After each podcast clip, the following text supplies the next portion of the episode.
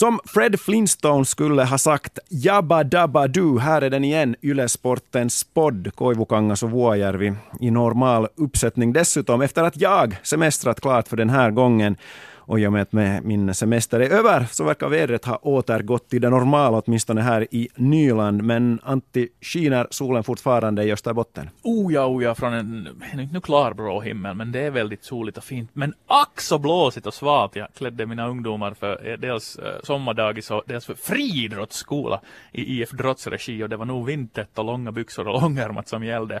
Eh, så skenet bedrar. Det postkortsväder om man sitter inne och tittar ut, men jag tror att man huttrar när man väl är där ute. 12-13 grader, inte så där heatwave direkt. Mm, här är det ännu t-shortsväder, men det känns som att det är på väg åt det sämre hållet om man tycker om värme. Uh, nog snackat om, om väder. Jag vet inte, du följde säkert inte med nattens NBA-final. Jag har bara sett uh, highlightsen, men vilken uppvisning av Steph Curry. Jag vågar påstå att han är NBA-historiens kanske bästa skytt genom tiderna. Tre, tre poänger efter tre poänger efter tre poänger. Där fick jag sagt det. Och då är det dags att presentera veckans gäst. Ken Sirenius, välkommen med. Tack så mycket, trevligt att vara här. Härligt. Tjena Ken, välkommen. Tack.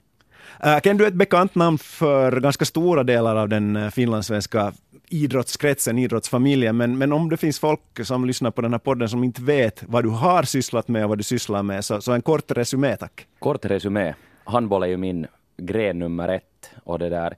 Annars har jag ett stort idrottshjärta och egentligen följer jag med idrott som idrott.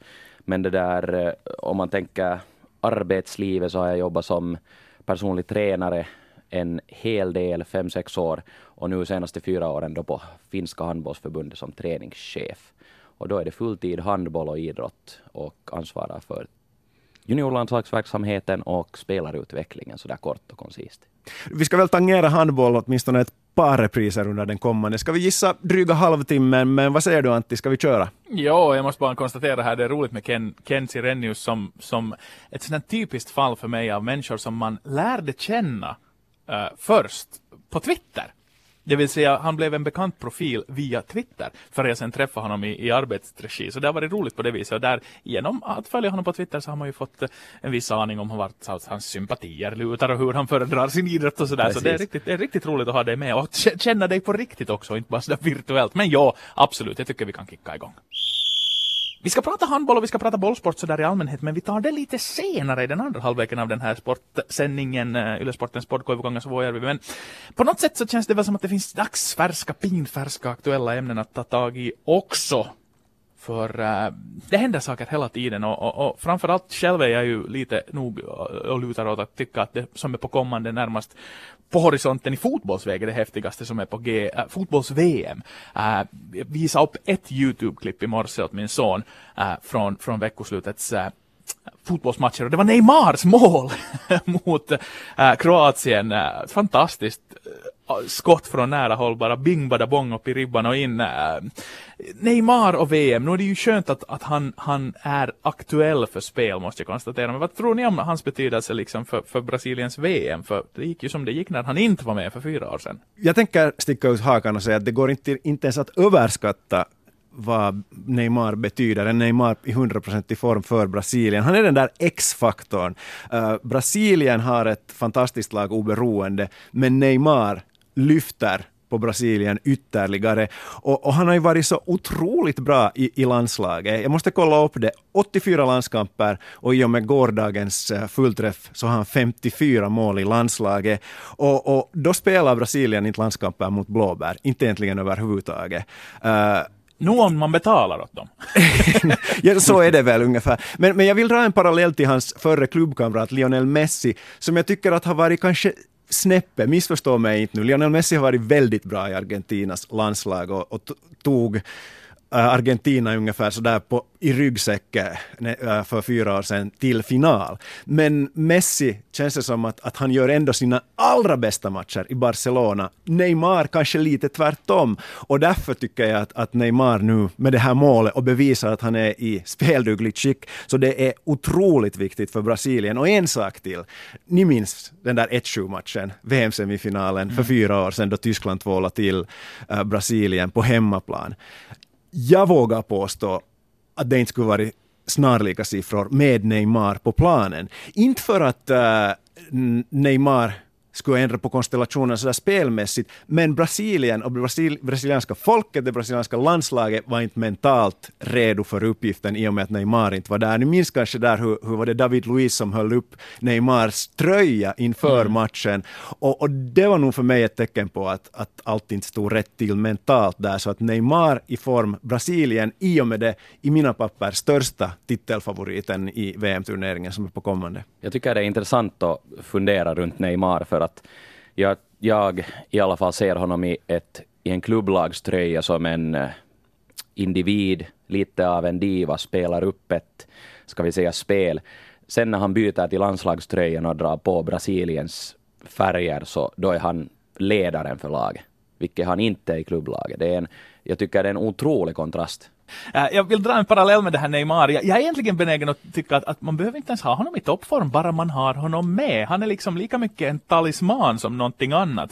Uh, det är klart att om du har en, en, en halvskadad spelare på planen så blir det en belastning, men senast gårdagens Kroatien-match visar ju att det är ju inte fallet med honom den här gången.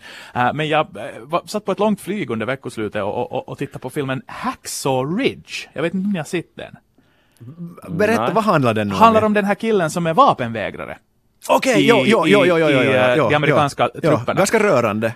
Otroligt häftig. Och grejen var ju den att, att uh, under ett sådant anfall på ett helt impenetrabelt fort där japanerna höll ställningarna som, som heter Hacksaw Ridge så räddade han ju uppemot 80 uh, individer men alltså bar inget vapen. Och när de sen skulle inta den där Hacksaw Ridge för en andra gång, den böt alltså ägarskap många gånger, så, så stod de andra soldaterna där och vägrade gå upp dit om inte den här Desmond Das, karaktären, ja. kommer med. Han var liksom deras talisman. Vi kan göra det här, men han måste vara med, så viktig är han för oss. Då bar han alltså inte ens vapen. Men hans, liksom, hans insatser tidigare för det här uh, truppförbandet, jo, att han blev liksom den där killen som, som att med honom med oss kan vi göra vad som helst. Och det är ju den tron som Neymars närvaro instiftar i brassarna. Så att jo, naturligtvis höjer det här på aktierna för dem, men de har ju ett jättebra lag annars också. Så att nu blir det ju roligt, roligt, roligt med VM. Men det är tio dagar dit, om jag nu har räknat ungefär rätt så. Vi kan väl ta det färskaste som kommer redan väl följande natt, det vill säga mm. Stanley Cup-final nummer fyra i Washington DC. Uh, det är 2-1 just nu till Washington. Är det så att Las Vegas Askungens saga håller på att ta slut. Äh, jag fascineras fortsättningsvis av en kille som vi har snackat mycket om i den här podden tidigare också, bland annat med Anders Nordensvan, Alexander Ovechkin. Ska han nu äntligen, äntligen, äntligen få vinna och bli, okej okay, han är stor redan, men bli störst? Alexander den store på riktigt nu då? Nå, inte blir han störst fast uh, Washington skulle gå hela vägen, men då i så fall så skulle han vara i mina papper på samma linje som de största européerna, det vill säga Jager, Selänne, Kurri Lidström ungefär. Uh, om vi talar om alla tiders NHL-spelare så räcker inte en Stanley Cup-titel för att Ovechkin skulle gå upp där i ens i topp 10. Vi har spelare som Gretzky, Lemieux, Bobby Orr, Bobby Hull och också till, äh, Martin Brodeur bör väl nämnas i sammanhanget också. Olli Määttä, multipla Stanley cup Men, men äh, jag tycker fortfarande, även om man tar den här ena titeln, mm. så tycker jag att, att, han är snäppet bakom också Sidney Crosby. Och det är ju de här två som har jämförts alla dessa år mot varandra. Crosby har, har OS-titlar och, och, har fler Stanley Cup-titlar. Så att, så att Uh, han har ju fortfarande tiden på sig. Han är ju inte lastgammal Alexander Ovechkin och nu är han ju en av de, de största, framförallt i modern tid. Alltså vilken målskytt han har mm. varit. Också under de där åren då, då det var dödgrävar-ishockey i NHL så, så lyckades han på något sätt elektrifiera en match som match på grund av hans individuella skicklighet. Men jag tycker jag har varit mest imponerad den här säsongen och man såg redan indikationer de senaste säsongerna att de där, de där divalatarna, framförallt i slutspelet, så de har han lämnat därhen och nu spelar han för laget och resultatet ser vi. Ja absolut, han har väl 14 mål i mm. playoff nu. Vilket är någon sort av rekord väl?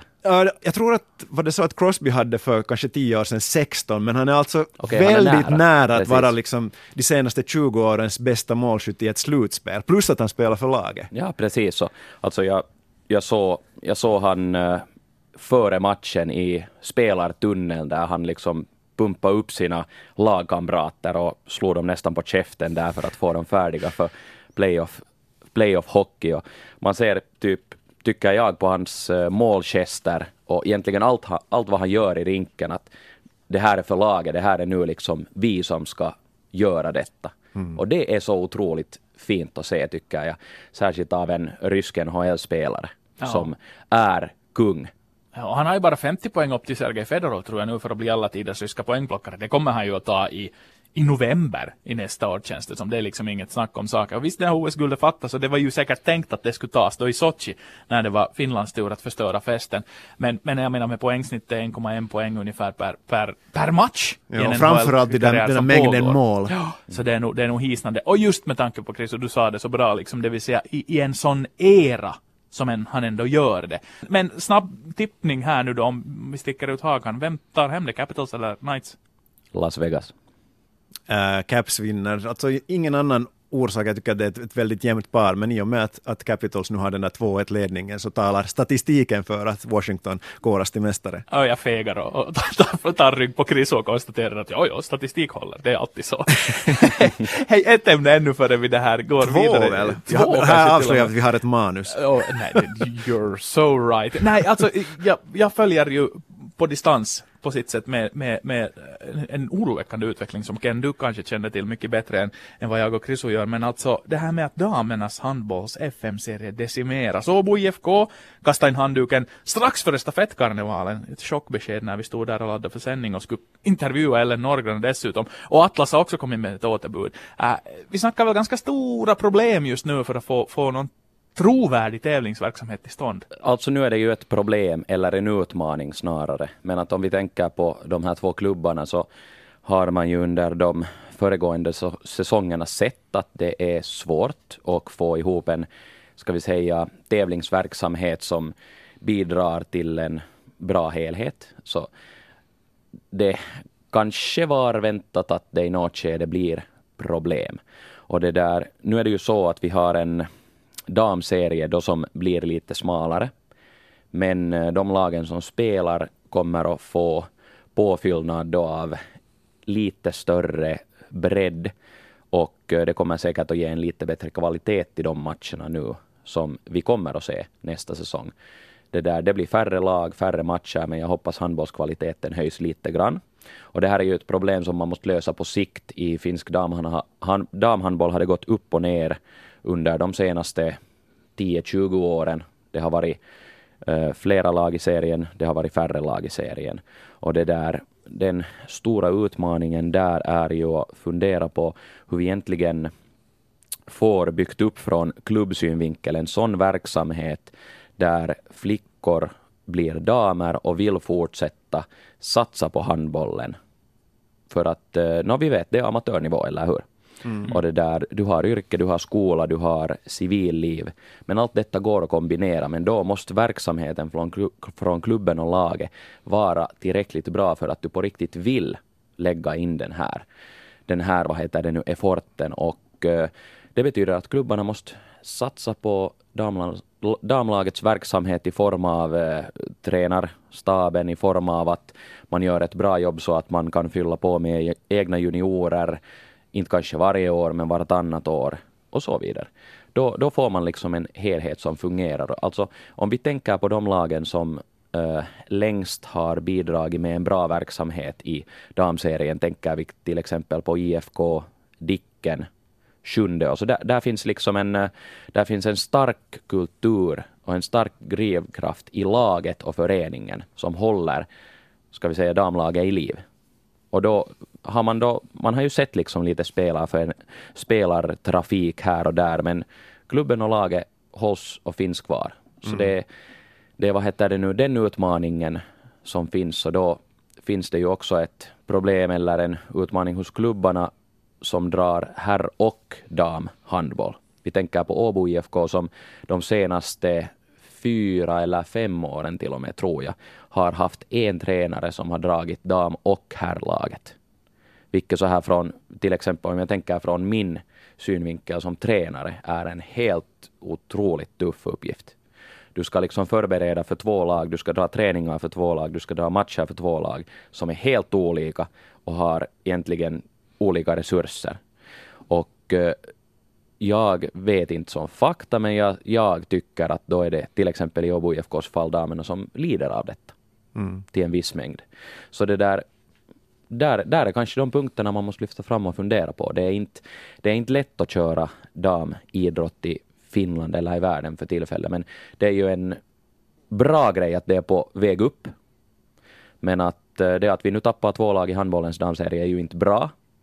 Men att eh, inte är det helt en för stor katastrof heller om man ser till historien. Mm, jag tycker det där, ur mitt utomstående perspektiv, jag kan inte detaljerna och så vidare, men jag tycker att det är synd för handbollen att till exempel hela Åboland nu är utan ett damlag. Det blir som en ett svart hål där. Och sen, sen jag tycker jag också sådär, nu, nu är jag igen eh, från, det är ibland roligt att se det hela utifrån, för jag är inte på det sättet uppfostrad med handboll, men jag tycker om det som jag har sett de senaste 10-15 åren i Vanda, i Atlas. Det har funnits framförallt kring herrlagen en bra sån energi och, och drivkraft. Och, och, jag antar att det delvis har smittat av sig på det här damlaget, även om de har haft tufft resultatmässigt, så så tillvida tycker jag också att det är synd. Sen är det här ju ett evighetsproblem, det här har vi diskuterat i olika sammanhang, att det är lite för lätt att komma som junior sen in i de här FM-serielagen. Och, och når du damlaget, seniorlaget som säg 16-åring och håller på i fyra år.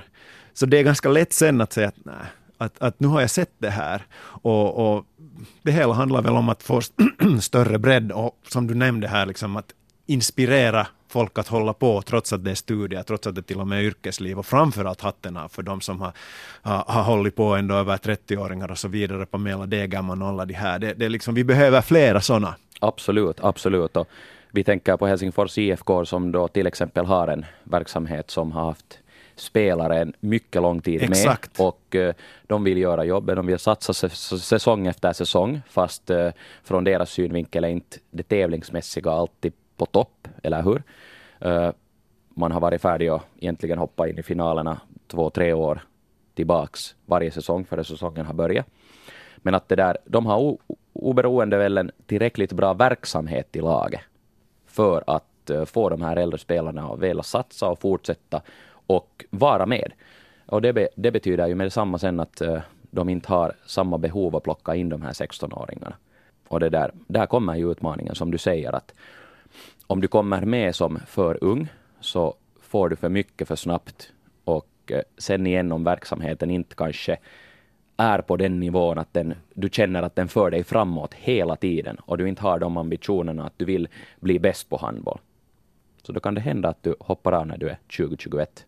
vilket är ett stort problem. Absolut. Mm. Det gäller ju alla, alla bollsportsdamidrottarna i Finland, det vill säga att senior seniorkarriären är kort och tidig. Och att förlänga de karriärerna och få det där intresset att hålla upp, det är en utmaning gren som gren. Men, men blir det dock en, en serie med sex lag? Bli, det blir det. Blir, det blir av, det vill säga det finns ingen, ingen sån, sån horisont vill man ha det förstås att växa, men det finns väl inga quick fixar där heller. Man kan inte liksom ringa, ringa Borgå och ringa Björneborg och säga att hej, veva ihop någonting. Nej, det blir en serie på sex lag och ska vi säga om, om vi skulle vilja blixtinkalla division 1-klubbar från toppen av division 1 så kommer vi att ha troligen samma läge igenom ett eller två år. Mm. Och det där... Det Knappast här är, värt det. Nej, och alltså det här är ju en grej sådär från förbundssynvinkel som är mycket svår att lösa för att det handlar mycket om klubbverksamheten och vi som förbund vill ju stödja klubbarna men man kan inte gå in och peta och säga att gör si och så.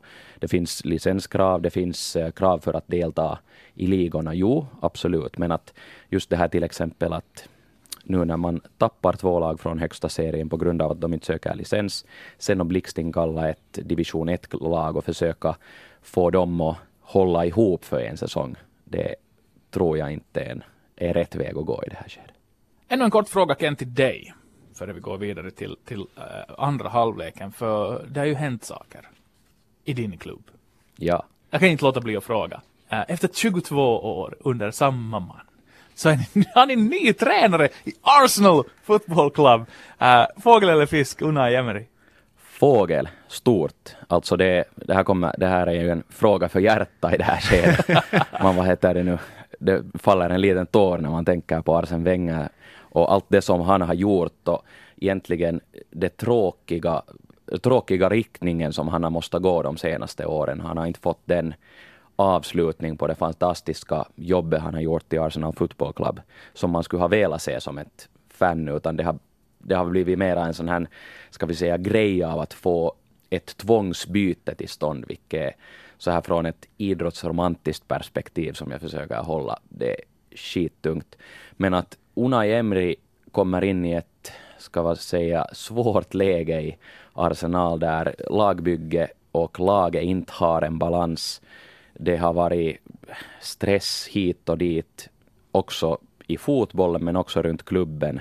Och det där, nu ska vi säga, går man från en gammaldags engelsk managerkontroll till en, ska vi säga, lite mera modern eh, sportorganisation som, som leds eh, liksom ett NFL-lag, där det finns människor som har små delar av verksamheten som de har koll på när Arsen Wenger hade koll på från maten till busstidtabellerna till kontringsspelet. Så det är ju en stor, stor ändring. Och Unai Emery kommer in som head coach, inte som manager. Och ah. om man tittar på hans, eh, ska vi säga CV och egentligen när jag har kollat alla hans intervjuer så jag har en jag, har, jag känner en stor, ska vi säga positiv, stort positivt slag i mitt hjärta för detta. Man väntar igen helt på ett annat sätt på en ny Premier League-säsong nästa höst. Så det här är, det här är en klar, klar fågel för mig. Det blev ju bara 1235 matcher för Wenger, så att det är ju sådär jo. Perussetti för en yes. tränare. Man, det kommer att vara otroligt konstigt att se en ska vi säga aktiv person på Arsenals sidlinje från och med nästa höst. Någon som slänger händer och rockar och sånt. Hade nog lite i skuggan ändå av de riktigt stora om man tittar på sådana här giganter. 22 år, missförstå mig rätt, en, en, en, en, en huisi putki. Men, men jag menar Sir Alex 27 år, Giro 44. Så att länge var han, men inte sådär rekordlänge. Nej, precis.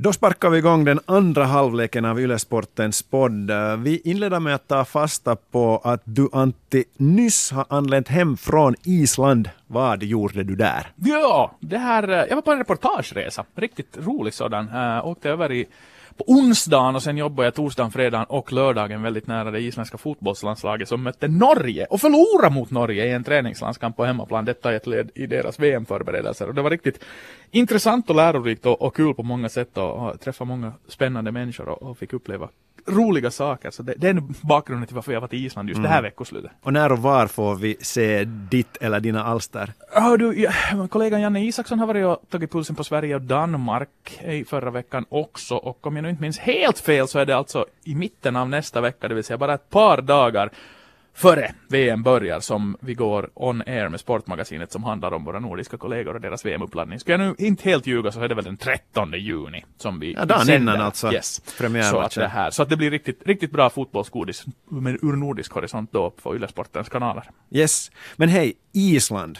Det här är ju faktum som, som säkert många har hört flera gånger, men jag tar det ändå i sin korthet. Ungefär lika många invånare som det finns finlandssvenskar.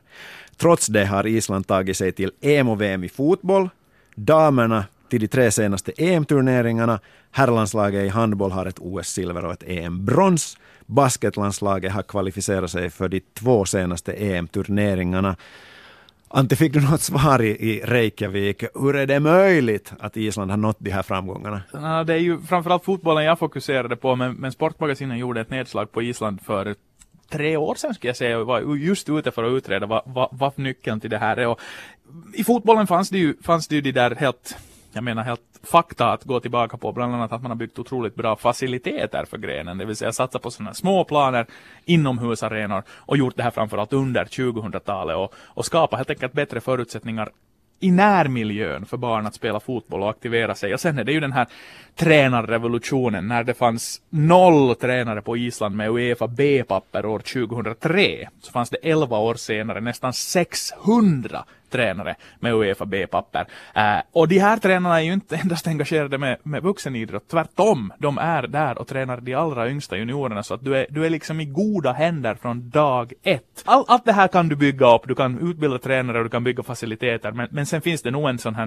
uh, en X-faktor som handlar om det isländska lynnet som gör att, att, att de är dels är de sjukt starka optimister, det måste man väl vara när man bor där ute på kobben. Men, men, men, men de, tro, de tror helt enkelt otroligt starkt på sig själv, ingenting är omöjligt. De kan slå vem som helst, när som helst, var som helst. Och uh, göra det tillsammans dessutom med människor som de känner mycket för och känner till väldigt bra. Så att det finns det är en summa av många saker. Ken, vad gör man i isländsk handboll bättre än i Finland? Som sagt, ungefär samma population. Det är, det är en bra fråga och det är, det är ju mycket, mycket som Antti lyfter fram där från fotbollssidan också går att här avstämma med handbollen att eh, det finns en, ska vi säga, kultur av eh, tränarna i klubben att de har en bra standard och eh, de jobbar med de minsta ända upp till de äldsta. Det finns en liksom otroligt bra uppläggd tränarverksamhet som drar, ska vi säga, handbollen i klubben. Klubben är nära hemme. Uh, egentligen handbollen är nära hemme för alla de små, vilket är otroligt viktigt. Ska vi säga, om vi tänker på finsk basket, så det är ju en av deras strategiska punkter, harrastus lähellä kotia.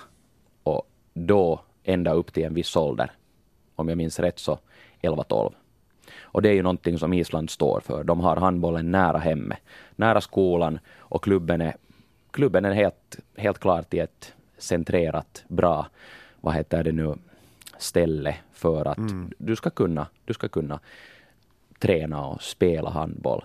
Och eh, staten står för hall och eh, vad heter det nu, träningstid.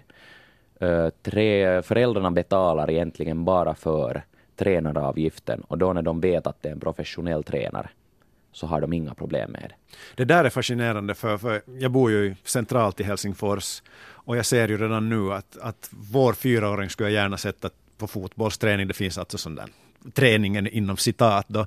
Men de här uh, lediga grupperna, de går i ett nafs. Samma, samma läge är det ju i handboll, i innebandy, ja, allting, tennis. Det finns inte träningslokaler, det mm. finns inte planer. Och, och, här är nog, tror jag, ett, problem som de flesta storstäder brottas med. Så att uh, intressant att höra det där om, om, om, Island, att det faktiskt är det. Uh, Ken, du nämnde kultur och det är det vad jag vill ta fasta på, det vill säga i Finland så talar man ofta att vi inte har bollsportskultur. Uh, sant eller falskt? Håller du med? Det, det, är en riktigt bra fråga och det, jag tror det är svårt att stämma av som sant eller falskt. Jag tror vi ligger där någonstans emellan. För att vi har ju, vi har ju en kultur att visa upp då och då. Tänk på basket-EM förra hösten. Otrolig stämning i Hartwall Arena när Susi-gänget kom in på banan och vann sina matcher. Uh, det har varit bra stämning borta med volleybolllandslagen mm. när de har åkt runt och spela.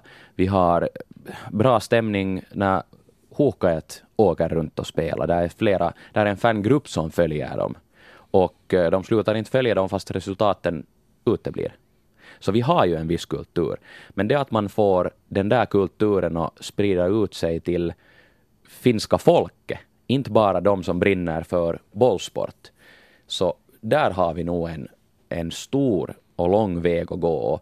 Alltså, jag tror att det enda rätta receptet är att vinna vinna mm. och vinna. Det heter ju också att finländare vi är framgångstokiga så att det precis. skulle säkert locka en del massor. Antti, vad, hur ser, ser, du på saken? Nej men det är ju precis som Ken säger, det vill säga att vi är, vi är ju en skärgård av idrottsframgångar men vi är ingen enhetlig nation på det viset utan det, det finns de här exemplen här och där och eh, många gånger så skapar media en, en, en större grej av en pågående boom i en viss gren än vad den sen de facto är. Det vill säga visst Susi-gänget har gjort fantastiska saker för finländsk basket på, eh, liksom, på ytan. Men har det sen gett upphov till liksom stigande licenssiffror eh, bland basketspelare i landet? Har basketen börjat hitta nya arenor? Jag frågar mig. Det som man har kunnat se är till exempel under väldigt många, långa år, till exempel hur den finska damfotbollen har vuxit fram och fått utövare via att de har varit framgångsrika och de har spelat i mästerskap tre äh, gånger i rad. Nu missade de en 2017, men där fanns det en sån, sån långsiktig framgångs trend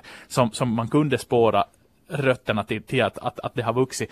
Men, men det är ju på något sätt att man, det som man ser på Island, det vill säga det här att, att, att det, det, allting slut, man slutar säga om allting, man tycker om allting och det man inte klarar av så det sysslar man inte med. Det vill säga att eh, i Finland, vi har pesisfolket som tror hårt på sin grej och de satsar nog inte så hårt på VM kanske just nu, men, men liksom de, de, de, de finns, de är en enhet. Så har vi volleybollsfolket, sen har vi basketfolket och förstås hockey hockeyn är ju det närmaste vi kommer den där riktigt starka bollsport kulturen. Vi har pratat väldigt mycket ishockey under de senaste avsnitten av den här podden också.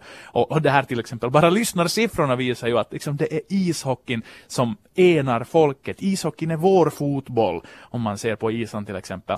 Så att eh, visst, vi är en bollsportsnation, men det, det är en mosaik på sätt och vis, där det inte har en, en, en liksom enhetlig vass spets. Det är nog min syn på det. Mm, jag tycker också att vi har bollsportskultur. Det är bara att se på siffrorna. Hur många finländare spelar fotboll, spelar innebandy, division 7, 8 och så vidare.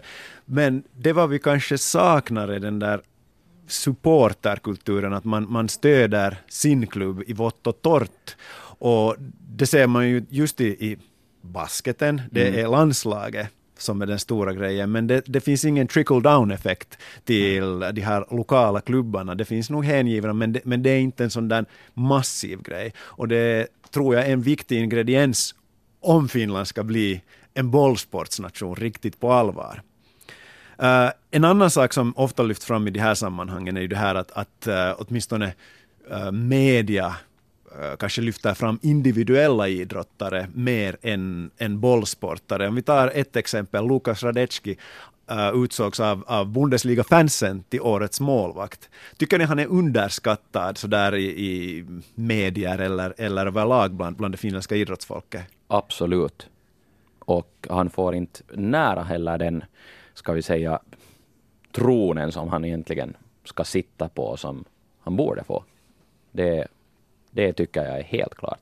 Ja, jag kan hålla med, absolut. Okej, okay, men om ni båda två håller med så någon måste ju vara djävulens advokat, undertecknad. Uh, om vi sen rangordnar årets idrottare, lägen nu efter ungefär ett halvt år, så, så hur högt är, är en Lukas Radecki då på den lista som ni skulle lägga upp? Ivo Niskanen, är han före honom till och med? Det är en bra fråga faktiskt. Det är en bra fråga. Eh, jag har jättesvårt att, Eh, ska vi säga, rangordna då Lukas Radecki till exempel mot en Ivo Niskanen.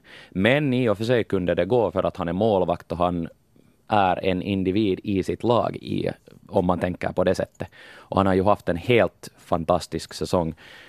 Ivo Niskanen gör ju alltså en sak under året. Äh, allting handlar om 50 kilometers loppet, det säger han från första början. Han lägger upp hela sin träning och det här gör han ju till stora delar under 2017 eftersom han vinner sitt guld i början av 2018.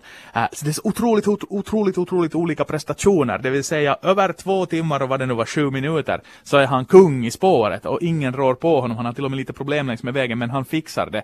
Men sen har du en kille som vecka ut och vecka in representerar Finland i en av de stora serierna i Europa. Eh, många har ju tyckt att, att flytten till Bayer Leverkusen för, för, för, från Frankfurt då är, är liksom ett steg i sidled och varför gick han inte till en stor klubb? När ska den där riktigt stora transfern komma? Men jag tror det var, skulle det ha varit Johanna Nordling på Ilta som skrev en kolumn om det här, att det här är helt i linje med hur han har utvecklats under sin karriär hela tiden, det vill säga han har skyndat långsamt, han har etablerat sig, han gick till Esbjerg för att sen gå till en större klubb i Danmark, nu gick han till Eintracht för att sen gå till en lite större klubb i Tyskland och han är ju inte lastgammal heller. Uh, för tillfället så måste jag nog krast konstatera att ett, ett, ett individuellt OS-guld i längdskidåkning trumfar Lukas Radecki, men han är i min topp tre för tillfället när det kommer mm. till de här rankingarna. Bra sagt. Och, och jag vet ju också hur, hur vårt skrå tänker här.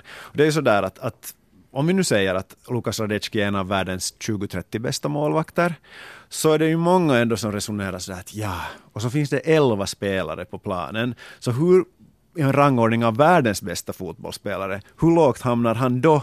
Nåja, Ivo Niskanen vann OS-guld, att, att han är ju man kan ju se, han är bäst, siffrorna talar sitt tydliga språk och gjorde det vad han sa. Så att, uh, fotbollsspelare framför allt med tanke på, på hur brutalt konkurrensutsatt den är, så lider, tror jag, i, i den här sammanhanget, det vill säga i valet av omröstningen om årets idrottare, för att uh, det, det, det, är så otroligt svårt att vara bäst eller ens att vara i, i, i topp 20 på någon position, vilket Radecki är ganska nära nu, vågar jag mm, han är ju, Han är ju till exempel inte kortlistad bland de 50 spelarna som är aktuella för Ballon d'Or, om man tänker på det till exempel, när de listorna publiceras. Vi har ju inte finländare där så det är jätte, jätte ofta. Så att han är ju inte någonstans ens i närheten av världseliten, men han är så sjukt bra. Så det är ju beklämmande. Mm. Ja, precis så om jag tänker på årets uh, idrottarröstning som vi har här i Finland, så det att Lukas Radecki inte blir vald till årets årets idrottare är nu inte den största vad heter det nu, draman, men det att inte kanske media lyfter fram vilken fantastisk säsong han har gjort och vilken han, nivå han är uppe på. Mm. Där skulle jag kanske vilja se en liten ändring. Mm, det kan också handla om att vi är av hävd, av tradition, vi har ju också talat mm. Premier League i den här, skulle han spela för um, Everton och Everton skulle vinna FA Cup, det skulle vara en större grej, det vet ja, vi alla. Det skulle ju räcka ja, om han skulle spela i Stoke. Så pass anglofiler är vi. ja. Men jag tycker att vi avrundar den här andra halvleken där vi började, det vill säga med Island. Det är liksom en verklig åsnebrygga. Men, men jag kan inte låta bli, Antti, då du var där. Mm. Vad tror du efter att ha sett och hört och snackat med islänningar, hur går det för Island i fotbolls-VM? Mm, frågar du dem själv så går det långt. Oh. Riktigt, riktigt långt. Men de är nog sårbara. Det visar den här Norge-matchen. Ja, de, de föll dessutom mycket genom att spela mot sig själva. Det vill säga, jag tror ju och hoppas att, att det var, var tränaren Heimir fick med sig från den här matchen är insikten av, uh, han såg han spelar mot en spegel. Det sa han också inför den här matchen, att med Lasse Lagerbäck som tränare för motståndaren så är det som att, att, att matcha sig själv. Och, och, och där fanns en hel del att jobba på nog definitivt. Får de Aron Gunnarsson på fötter, uh, Gylfi Sigurdsson spelar redan mot Norge och borde vara matchfit som det hette hela, hela veckan på Island egentligen, så, så är de 50-50 outsider att bli tvåa i gruppen. Uh, nyckelmatchen där tycker jag nog någonstans Nigeria. För Kroatien kan de. De har stött och mött och blött med dem nu nästan varannat år. Nej, var, var, en gång per halvår på sistone. De har mötts i playoffs, de har mötts i grupper.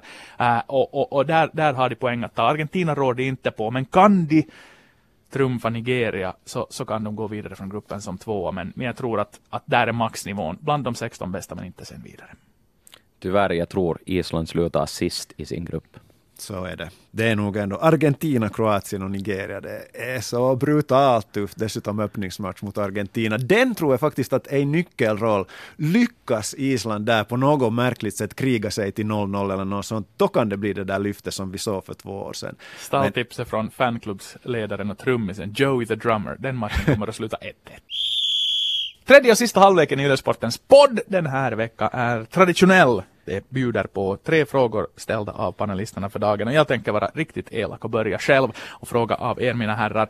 Nyligen hemkommen från sagornas ö som jag är så undrar jag vilket som är ert favorit sagovidunder genom tiderna och varför?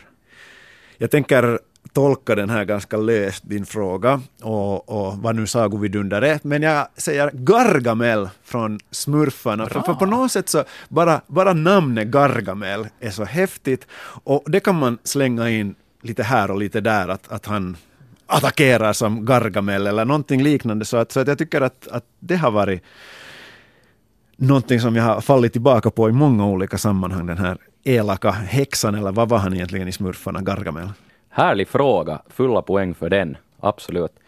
Jag vet inte, jag ska, jag ska väl gräva, gräva lite i mitt huvud och komma fram till att jag väljer att säga Darth Vader. Oh.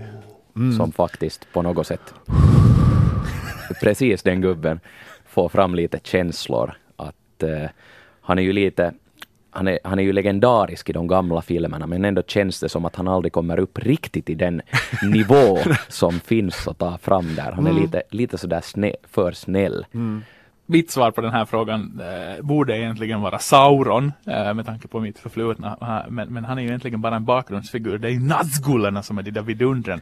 Men jag kommer att gå, gå Astrid Lindgren-vägen här och konstatera att efter att ha nyligen läst Bröderna Lejonhjärta och sett filmen så bokens Katla är skrämmande alltid skrämmande i kombination med Tengil. Så det, det, var någonting som satte griller i mig när jag var liten. Sen såg vi filmen med mina pojkar här nyligen och när Katla äntligen kom fram, vet ni vad pojkarna gjorde?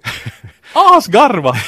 De tyckte den var så löjlig, de tyckte den var så dålig. Och sen måste jag nästan konstatera att trots mina romantiserande sådär 70-80-talsfilter på så nu var den ju, special effects var inte riktigt där på den där Pixar-nivån som det kanske borde vara. Men, men Katla, Katla för mig. Men det är ju en otroligt ja. sorglig bok och sådär liksom. Ja. Att, att, äh, jag funderar också på att hur gammal måste min son, mina söner bli innan jag vågar ens börja läsa den? För att det, jag minns att det, jag, jag, var väldigt tagen då mamma läste den åt mig i tiden. Att det, framförallt då, ja, nej, uh. Men Chris, du har en fråga. Uh, ja, det spelas uh, på Roland Garros, uh, en av säsongens fyra Grand Slam-turneringar. Jag själv spelar tennis en del, spelar fortfarande på med dålig framgång. Så rangordna era favorittennisunderlag och de tre som jag lyfter fram är då grus, gräs och resten då, det vill säga hardcourt. Då ska jag absolut säga att uh, grus, gräs och hardcourt för att jag tycker att tennis är en fantastisk sport. Särskilt en uh, racketsport där man kan köra på ett, uh, ska vi säga, inte keinotekonen jalusta. Mm. Du vet ett sånt här... Uh, Artificiellt konstgjort. Ex exakt, utan du kör på ett gräs eller ett grus som är va, ja, vad ska jag nu naturligt säga? Naturligt, precis. Ja. Det var det ordet jag sökte. Det, det, är på något sätt helt fantastiskt. Och eh, grus är då kanske som etta för att jag känner inte en enda annan sport där du spelar med boll och racket där du kör på grusunderlag. Timingen gör att den Grand Slam-turnering jag sett mest av när jag spenderar mycket av, av tidiga somrar äh, vid Eurosport var äh, det blir grus på grund av Roland Garros. Uh, jag tycker det är otroligt charmigt. Uh, vita, ofta spelkläder i kontrast mot den där rappan som ibland sprättar upp därifrån det röda gruset. Gör något. att det är liksom grus en klass för sig och sen resten någonstans långt bakom. Mm, hej, vi är överens. Grus för mig också, det är det, jag, det underlaget jag är uppfostrad på en fin sommar där man får glida omkring på det där eh, röda tegelstybben. Det är alldeles fantastiskt. Sen tycker jag hardcourt är två och sen blev jag så pass bränd framförallt på 90-talet, kanske till och med början på 2000-talet av gräs och, och, Wimbledon där det var idel serve och volley och massa service. Jag tycker att det är den tråkigaste formen av, av tennis att titta på. Jag har aldrig spelat själv på, på gräs, men, men gräs nummer tre och sist. Sist ut i frågesporten den här uh, måndagen, vår gäst för veckan, Ken Sirenius. Härligt, då ska jag köra med fotboll och uh, det blir svenska allsvenskan och Stockholmsklubbarna. Så nu ska vi rangordna då Hammarby, AIK och Djurgården. Det där är en jättebra fråga, för jag har faktiskt funderat någon gång att tänk vad roligt det skulle vara att få bo en tid, jobba i, i Stockholm och då skulle jag gärna då adoptera ett av, av de lokala lagen som man skulle gå och följa matcher på. Och, och hur jag än vrider och vänder så har jag lite problem med alla de tre du nämner. Så jag kom fram till att, att mm, varför inte Brommapojkarna? Men jag återgår till din, din, din fråga och eh, med, inte nu långa tänder, men, men jag väljer Hammarby trots allt som nummer ett, även om jag kan tycka att det blir lite väl upphaussat också bland finländska fans, den där supporterkulturen som Bayern har. Djurgården som tvåa och AIK trea. Eh, historiskt sett så, så har jag nog stått i Djurgårdens led och blott och endast. Så de är etta och sen delar Bayern och, och Gnaget på, på andra platsen. Nåja, för mig kommer ju Hammarby då såklart som klart klubben, klubb nummer ett laget som aldrig vinner någonting men har en växande, växande och otroligt stark eh, supporterkultur. Och det är ju liksom, eh, ska vi säga, Hammarby är på ett sätt hela Sveriges lag, men de är otroligt starka på söder. Och där är någonting som till exempel en finsk eh, fotbollsklubb som Helsingin Jalkapalloklubi, som är mesta mästarna, spelar Europa varje år. Och så vidare. De har inte ett starkt fäste där var de ligger. Så det är ju liksom någonting som jag ser som en fantastisk grej i Stockholmsfotbollen. Då AIK tvåa på grund av att de klarar sig och också bär en, bär en ska vi säga, stark supporterkultur och hemlösa Djurgården då som nummer tre. Så om Bayern spelar mot AIK och Djurgården, vilken match är den du helst ser att Hammarby vinner? Då skulle jag säga att det är Djurgården för att de delar arena. Yes. Okej, bra. Skön fråga. Nästa vecka så får ni rangordna lagen från, eller jag kunde ställa frågan att ni skulle rangordna lagen i Reykjavik. Men eftersom jag inte ens kan dem själv så kommer jag inte gå in på det. Jag såg en klubblagsmatch faktiskt när jag var på Island. Fantastisk drabbning mellan FH och KA. Och KA är min favorit. Det FH är två. min favorit nu för tiden. Fantastiskt gäng från Aukereikir, tror jag det hette, där uppe i, i, i norra Island. Men äh, vi börjar sätta punkt för veckans podd. Ken Sirenius, tusen tack för att du kom. Tack för att ni ville ha mig. Och var med oss idag. Och eh, tack Kriso för att du var tillbaka. Podden Koivukangas och Vuojärvi är betydligt roligare när den andra halvan också är med. Mm. Kom ihåg att uh, ni kan lyssna på podden och gamla avsnitt via arenan, via iTunes och via Spotify.